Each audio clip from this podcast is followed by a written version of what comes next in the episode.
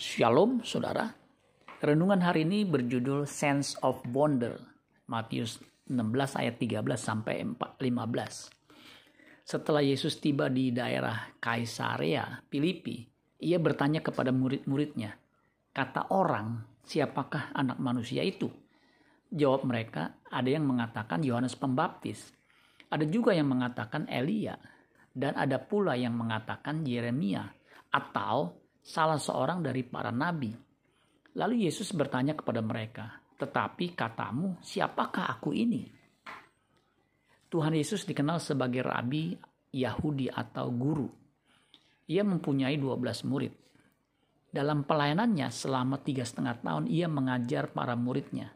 Dalam mengajar, selain ia menggunakan banyak perumpamaan, ia juga mengajukan banyak pertanyaan bacaan di atas ada dua pertanyaan yang ia ajukan kepada para muridnya.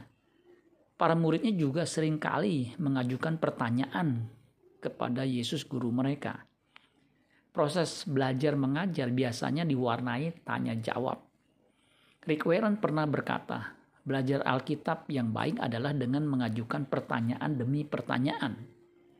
Ketika seseorang bertanya, menunjukkan orang itu punya rasa ingin tahu curiosity atau inquisitiveness.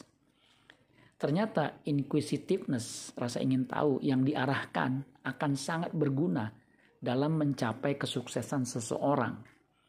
Hogan Assessment memasukkan inquisitif dalam salah satu aspek kepribadian yang berperan penting untuk kesuksesan seseorang di tempat kerja. Jadi inquisitiveness dan curiosity memang perlu dikembangkan terutama di zaman now ini, di mana pengetahuan berkembang sangat pesat dan tidak terprediksi. Eric Smith, mantan CEO Google, pernah berkata, "We run this company on question, not answer." Kami menjalankan perusahaan ini atas pertanyaan, bukan jawaban. Jadi memelihara sense of wonder, rasa ingin tahu sangat penting. Terutama sense of wonder, rasa ingin tahu terhadap kebenaran. Karena Matius 5 ayat 6, berbahagialah orang yang lapar dan haus akan kebenaran, karena mereka akan dipuaskan. Amin buat firman Tuhan. Tuhan Yesus memberkati. Sholah Gracia.